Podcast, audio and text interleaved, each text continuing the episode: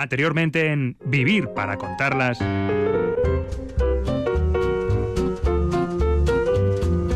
Todo es material para escribir, tanto lo que ocurre alrededor de uno mismo como, sobre todo, eh, lo que le ocurre a uno mismo, ¿no? tienes que aceptar enseguida que en esta profesión no estás para hacerte amiga de las personas sobre las que escribes. De lo contrario, empiezas a morderte la lengua. Y su columna se llamaba Women y en ella abordaba toda clase de asuntos vinculados a las mujeres, al feminismo y a los conflictos de la vida cotidiana en Estados Unidos convirtió ese naufragio matrimonial en una novela superventas que se tituló Se acabó el pastel y que fue llevada al cine con ese mismo título Nora Ephron fue una de las muy pocas personas del mundo que conocían la verdadera identidad de Garganta Profunda. Era el artífice, bien como guionista, directora, productora o todo a la vez, de algunas de las comedias románticas más legendarias de finales de los 80 y de los 90, como por ejemplo Tienes un email, Algo para recordar o sobre todo Cuando Harry encontró a Sally.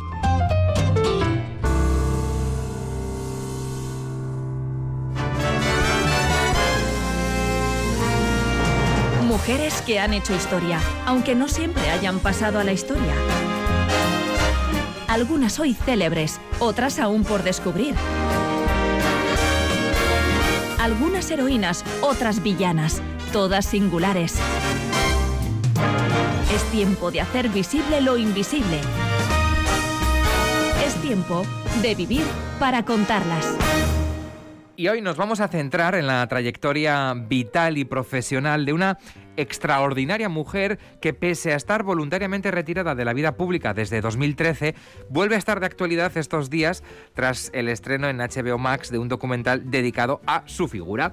Edu Rebaz, ¿qué tal? Qué intriga, ¿eh? eh bueno, buenos días. Sí, y además esa intriga todavía nos va a durar un poco porque los contenidos de HBO Max en principio no van a estar disponibles en HBO España hasta dentro de unos meses, pero hoy queremos aprovechar la ocasión para celebrar la vida de Tina Turner, la reina del rock, la también reina del soul siempre recordada por su poderosa voz, sus vigorosos movimientos, su voluminoso ¿eh? pelo, esos labios rojos que a ella le daban poder, como decía, y su admirable coraje para poner fin a una relación matrimonial tremendamente abusiva y abrirse paso con enormes dificultades hacia la libertad y la independencia. En la actualidad, a sus 81 años y cuatro décadas después de huir de su maltratador, la recia voz de Tina Turner todavía se quiebra al recordar los pasajes más dolorosos de su vida. Hoy nosotros la alzamos por ella, por esta valerosa mujer y excepcional artista que ha vendido más de 200 millones de discos en todo el mundo. Hoy, en Vivir para contarlas, Tina Turner.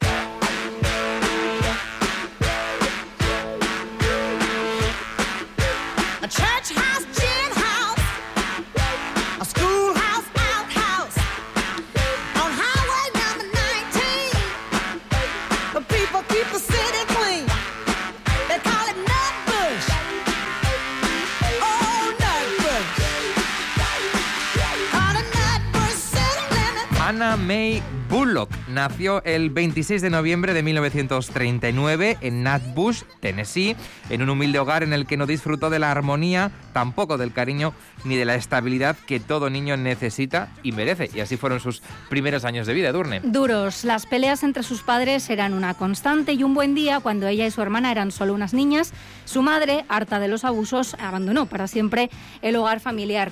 Un par de años después, su padre, tras casarse con otra mujer, también abandonó a sus hijas, que quedaron a cargo de diferentes familiares, en el caso de Ana Mae, de su abuela. En aquellos años de inestabilidad y desamparo, la futura Tina tomó contacto con la que sería su gran vocación y tabla de salvación, la música. Lo hizo en la iglesia, cantando en el coro. Y a finales de la década de los 50, Ana Mae y su hermana Eileen, reunidas de nuevo tras unos años viviendo separadas, empezaron a actuar en cafeterías y clubes nocturnos y en uno de esos locales conocieron a los miembros de la banda Kings of the Integrada, entre otros, por Ike Turner.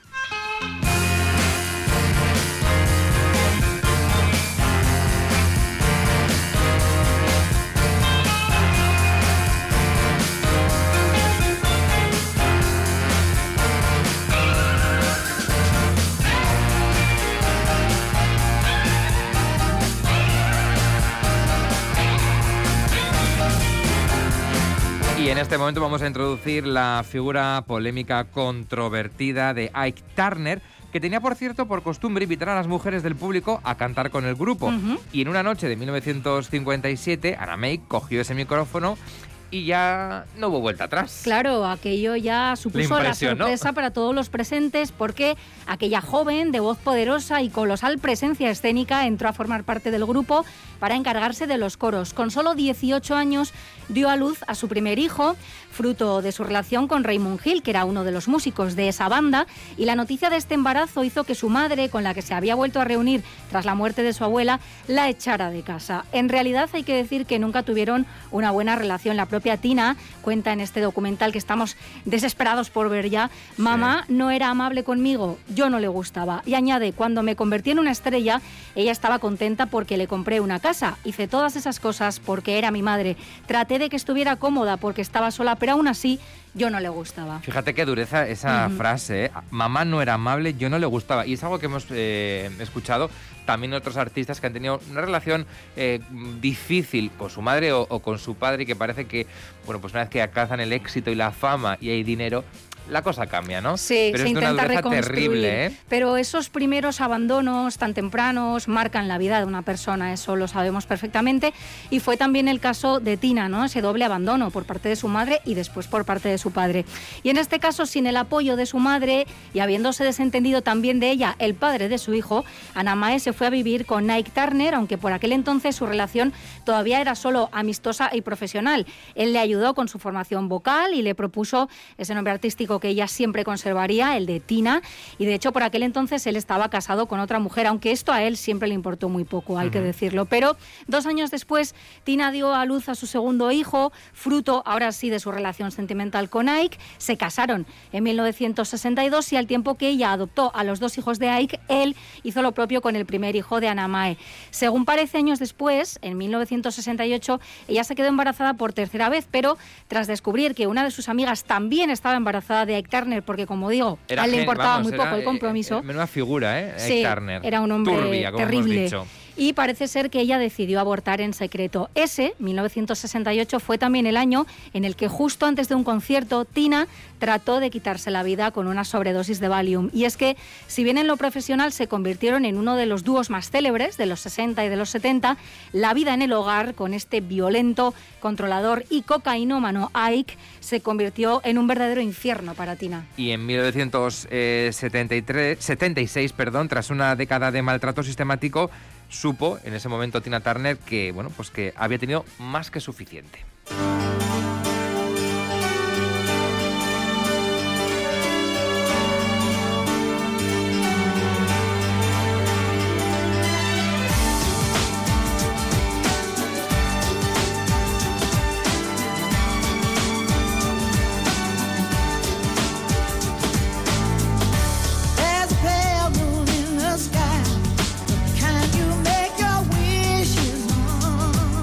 Qué ocurrió para que Tina Turner, bueno, decidiese poner fin a esa relación turbia, violenta y, bueno, que tanto daño le hizo? ¿Qué, qué ocurrió? Pues después de ese maltrato sistemático hubo una pelea en particular que a Tina Turner le hizo comprender que aquello no podía continuar así y tras esa brutal pelea de camino a un concierto, Tina Turner, vestida además con un traje blanco de Yves Saint todo cubierto de sangre, huyó del hotel en el que se alojaba con su marido y poco tiempo después solicitó el divorcio que no consiguió hasta dos años después. En el juicio hay que decir que lo perdió todo, todo lo material, ella ganó su libertad y conservó su vida, que es lo importante, pero lo perdió todo o casi todo, porque aparte de los derechos de autor de las canciones que había compuesto ella, le quedaba algo fundamental, que era su nombre. Y así lo cuenta ella misma en el tráiler de este documental que esperamos. The divorce, I got nothing.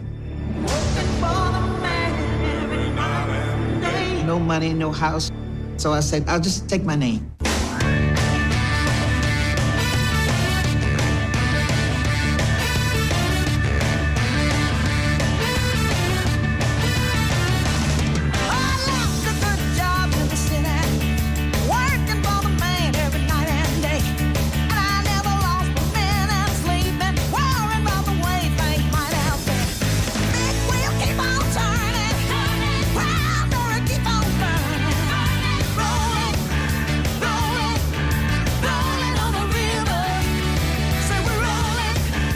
Bueno, es que siempre que escuchamos Proud Mary nos venimos Es eh, increíble esta canción. arriba. Eh, bueno, eh, tras el divorcio, perderlo absolutamente todo, lo único que conserva es el derecho de sus canciones y el nombre de Tina Ujú. Turner, empieza su carrera en solitario. No sé si lo tuvo fácil. No lo tuvo nada fácil porque tras años de éxito profesional junto a Ike Turner, en los que alumbraron grandes y memorables temas musicales como este, que no era compuesto por ellos, pero lo popularizaron ellos muchísimo, actuaron en televisión, se embarcaron en largas y triunfales giras y llegaron a telonear a The Rolling Stones. Por ejemplo, Tina se vio obligada entonces a construir una carrera en solitario sobre los cimientos de ese único bien que, como decíamos, consiguió salvar de su divorcio, que era su nombre artístico. No fue, ¿no? Esa No. carrera no fue sencilla, no fue un trabajo fácil. Y además las dificultades económicas eh, fueron más que considerables. En algunos momentos. Sí, le costó mucho porque, claro, mientras trataba de salir adelante por sí misma, actuando en locales y en escenarios pues, que no estaban para nada a su altura, nadie parecía entender su decisión. ¿Por qué alguien decidiría acabar de pronto con una formación musical que estaba en lo más alto para intentarlo en solitario? Ninguna discográfica parecía dispuesta a apostar por Tina sin Ike. Y entonces fue cuando ella, en 1981, en la revista People, decidió hacer público el infierno de malos tratos que había sufrido durante los años compartidos con su antiguo marido, manager y compañero artístico Ike Turner. Y en el documental de HBO afirma quería que la gente dejase de pensar que Ike y Tina era algo positivo, que éramos un gran equipo. Así que pensé que al menos la gente sabría qué había pasado. Intentaba explicar por qué ella rompió ese Y dar ese y paso esa en un momento en el que tampoco se habla de, de la violencia no, de género. No, no, claro. Era un tema eh, del que nos hablaba en público, eran asuntos privados, era del todo inusual, pero ella necesitaba liberarse de esa pesada carga emocional, de ese doloroso secreto, para poder empezar a sanar sus heridas o a intentarlo y para abrirse camino lejos del controlador Ike. Compartió los detalles de su violento y cruel matrimonio, del trato recibido por parte de Ike en su primer libro, que se tituló Yo, Tina, y que se publicó en 1986. Y este libro además dio pie a una película de 1993 que se tituló en España Tina, en la que el actor Lawrence Fishburne daba vida a Ike Turner y una absolutamente maravillosa, espléndida Angela Bassett interpretaba a Tina Turner. Bueno, tan bien lo hizo que se llevó una nominación al Oscar y se llevó un Globo de Oro que ella agradeció calificando a Tina Turner de Tesoro Nacional. To the most generous national treasure I've ever had the pleasure of encountering and portraying, Miss Tina Turner, wherever you are tonight. Thank you. Thank you so much.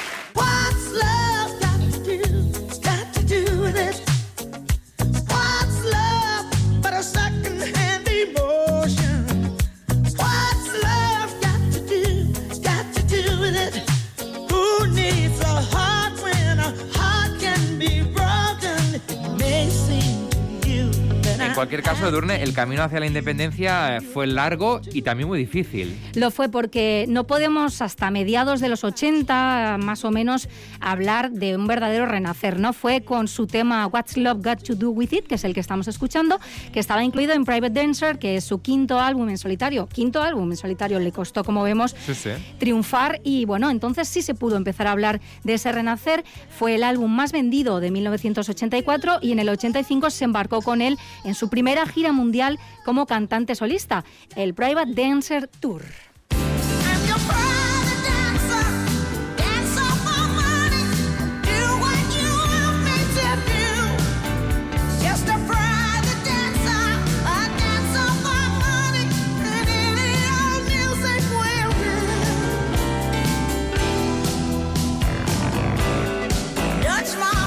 Pero pese a su éxito en solitario, el camino de, de Tina hacia la sanación fue mucho más largo y difícil de lo que su leyenda parece sugerir. ¿Por Sí. qué? Bueno, ahora siempre pensamos en cómo ella sobrevivió, cómo nació de sus cenizas, pero claro, esto costó en la realidad muchísimo más de lo que parece. Es un camino como que sigue es un camino, ¿no? efectivamente, que todavía a día de hoy sigue intentando recorrer y sigue tratando de reconstruirse, ¿no? Pero tras recuperar su lugar en la industria musical, llegaron los cameos en el cine y la televisión. Entre los más destacados está su papel como Auntie Entity en la película Mad Max, Más allá de la cúpula del trueno, en cuya banda sonora colaboró con dos temas musicales, One Of the Living, que le valió un premio Grammy a la mejor interpretación vocal rock femenina, y We Don't Need Another Hero, por el que fue nominada a un Grammy y a un Globo de Oro. Y durante los siguientes años siguió publicando discos con grandes éxitos como The Best, Steamy Windows o I Don't Wanna Lose You, y acometiendo espectaculares giras alrededor del mundo. Esa mujer que se había enfrentado completamente sola a una reticente industria musical contaba ahora con el favor y la colaboración de grandes referentes del sector como Mark Knopfler, Rod Stewart, Eric Clapton, Mick Jagger, Elton John, David Bowie o Brian Adams. Y entre todas estas colaboraciones, cuidado, se coló alguna un tanto extraña como esta que en 1996 hizo con Antonio Banderas interpretando el tema Wildest Dreams. Llegamos a un lugar donde abriremos el corazón y lo llenaremos con amor,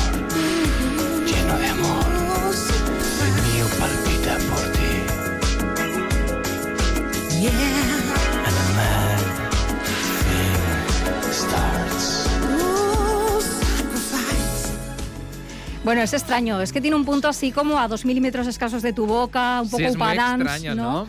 Pero bueno, está Tina Bueno, y está Antonio, ha pues tenido, ahí como están. hemos dicho, incursiones de todo tipo, pero quizás la que se queda también en nuestro imaginario colectivo es eh, la de la banda sonora de GoldenEye, ¿no? La película de, de James Bond, ¿no? Sí, sí, sí. Una de sus Eh, grandes colaboraciones, una de sus grandes canciones Por también. supuesto, estaba ya en lo más alto y pocos dudaban en ese momento de la proclamada como reina del rock. Pero tras década y media de éxito en solitario, Tina Turner anunció en el año 2000 que se retiraba, aunque solo parcialmente, porque en 2004 ofreció un concierto en Suiza un día después de cumplir los 65 y publicó un nuevo álbum recopilatorio que se llamaba All the Best, con el que consiguió un disco de platino en Estados Unidos. Y en 2008, con casi 70 años, una espectacular Tina Turner reapareció en una gala de los premios Grammy en un memorable dueto con Beyoncé. Every now and then, we kind of like to do things nice easy. But somehow we never ever do nothing completely nice and easy. You know why? Why? You know why? Why? Because we like to do it. We like to do it. We like to do it nice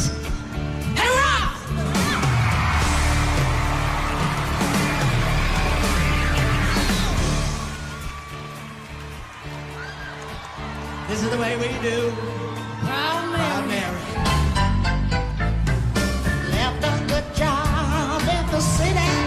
70 años. No pagarías por haber ¿eh? estado 70 allí. años 70 y con años. Beyoncé, o sea, eso es Divas, una divas. fantasía absoluta. Totalmente. Bueno, decíamos que en el año 2000 anuncia esa retirada que es parcial, eh, pero bueno, de alguna forma parece que Tina Turner no quería retirarse del todo. Pues no, porque en 2008, tras aparecer en el programa de Oprah Winfrey junto a su buena amiga Cher, una Tina en plena forma se animó con otra exitosa gira musical. Pero, a pesar de esa inagotable energía, llegaron los problemas de salud y Tina optó por dejar un buen recuerdo. Después de trabajar duro durante tantos años, ha contado, estaba preparada para dejarlo. No quería que mis fans fueran a un show y pensaran que hubo un tiempo en el que era buena, ¿no? Sabia decisión. Sí, y en 2013, tras más de medio siglo de carrera artística, Tina Turner se retiró definitivamente de la vida pública, según ha contado. Después simplemente estaba cansada de cantar y de hacer a todo el mundo feliz. No he hecho otra cosa en mi vida. Y cabe hacer un apunte sobre esa retirada, y es que durante este tiempo ha escrito varios libros, ha creado un musical y ha grabado un sencillo, pero hay algo de lo que también ha estado disfrutando y bien que lo merecía durante los últimos años, y es el amor de su segundo marido, Irwin Bach.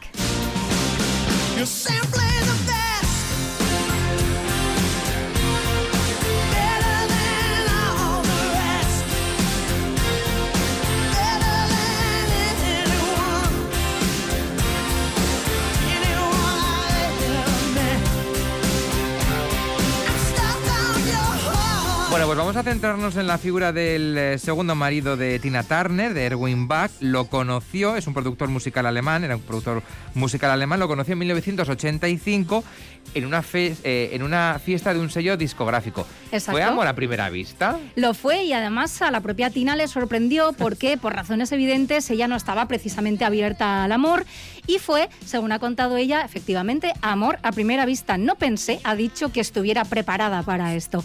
Han sido inseparables desde que se conocieron, aunque debido a esa traumática experiencia que Tina arrastraba, se resistía a volver a contraer matrimonio. Pero finalmente lo hizo en 2013, el mismo año en el que le concedieron la nacionalidad suiza tras renunciar a la estadounidense. Y desde 1994, esta feliz pareja vive en una bonita casa junto al lago de Zúrich, en Suiza, cuidando de su jardín. Y juntos se han enfrentado a durísimos episodios en la vida de Tina, como un accidente cerebrovascular, un cáncer de intestino, una insuficiencia renal y un trasplante de riñón que le donó el propio Irwin.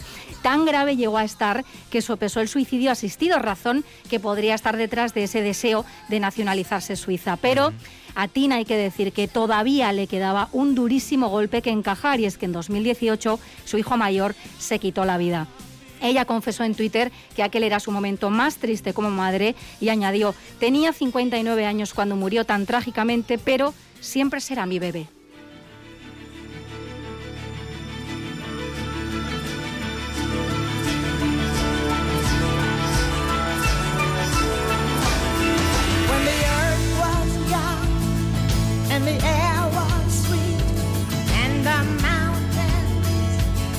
Hoy en Vivir para Contarlas estamos glosando la figura de Tina Turner, musicalmente activa entre finales de los años 50 y 2009. Se retiró de los escenarios a los 70 años para disfrutar en calma de ese retiro junto a su marido en, Suiza.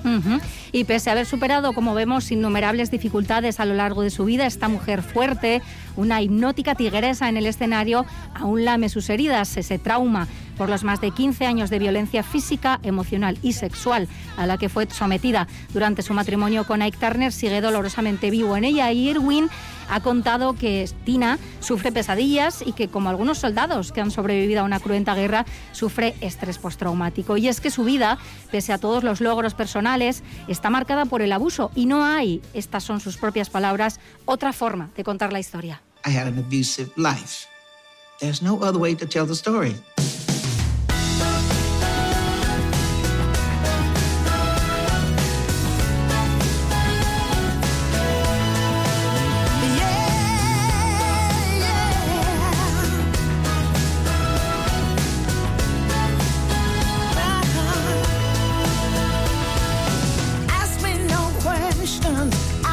De esa figura que marcó, marcó a Tina Turner, la de su marido Ike. Murió de sobredosis de cocaína en 2007, eh, pero a pesar de, su fallecimiento no, no se fueron todos los malos recuerdos que ella guarda de él.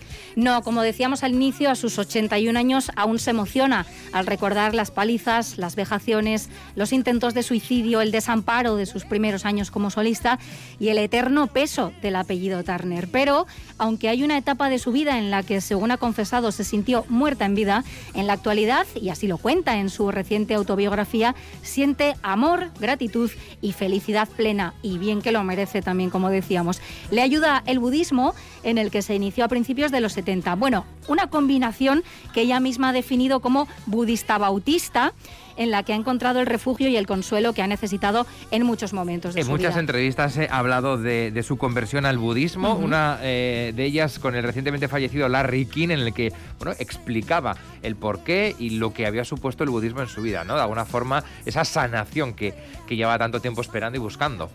Y que, bueno, ha logrado, pese a que esa herida, como decíamos, sigue sangrando, ¿no?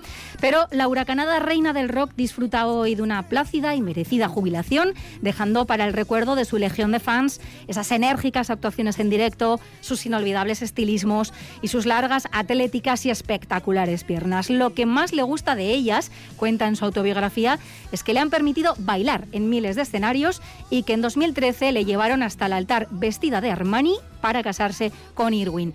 Pero nos lega sobre todo su voz, una poderosa voz con la que ha vendido más de 200 millones de discos en todo el mundo y obtenido importantes reconocimientos como una docena de premios Grammy, entre otros. Una voz que, como atestigua su récord Guinness, le convirtió en la única solista en llenar por completo el estadio Maracaná de Río de Janeiro con más de 180.000 personas en una sola noche. Una voz con la que ha denunciado el infierno del que aún son víctimas muchas mujeres. Ella encontró la salida en su pasión por la música y afirma, el hecho de amar tu trabajo te llena de fuerza y energía. Para mí, actuar es como respirar, el oxígeno que me permite continuar viviendo. Cuando en mi vida no había amor, el público siempre estaba ahí. La relación con mis fans es mi mayor tesoro. Me siento más feliz que nunca. Paso tiempo con mi marido, trabajo en el jardín y hay ratos en los que no hago nada, pero mis fans siguen ahí, así que me siento bendecida por partida doble.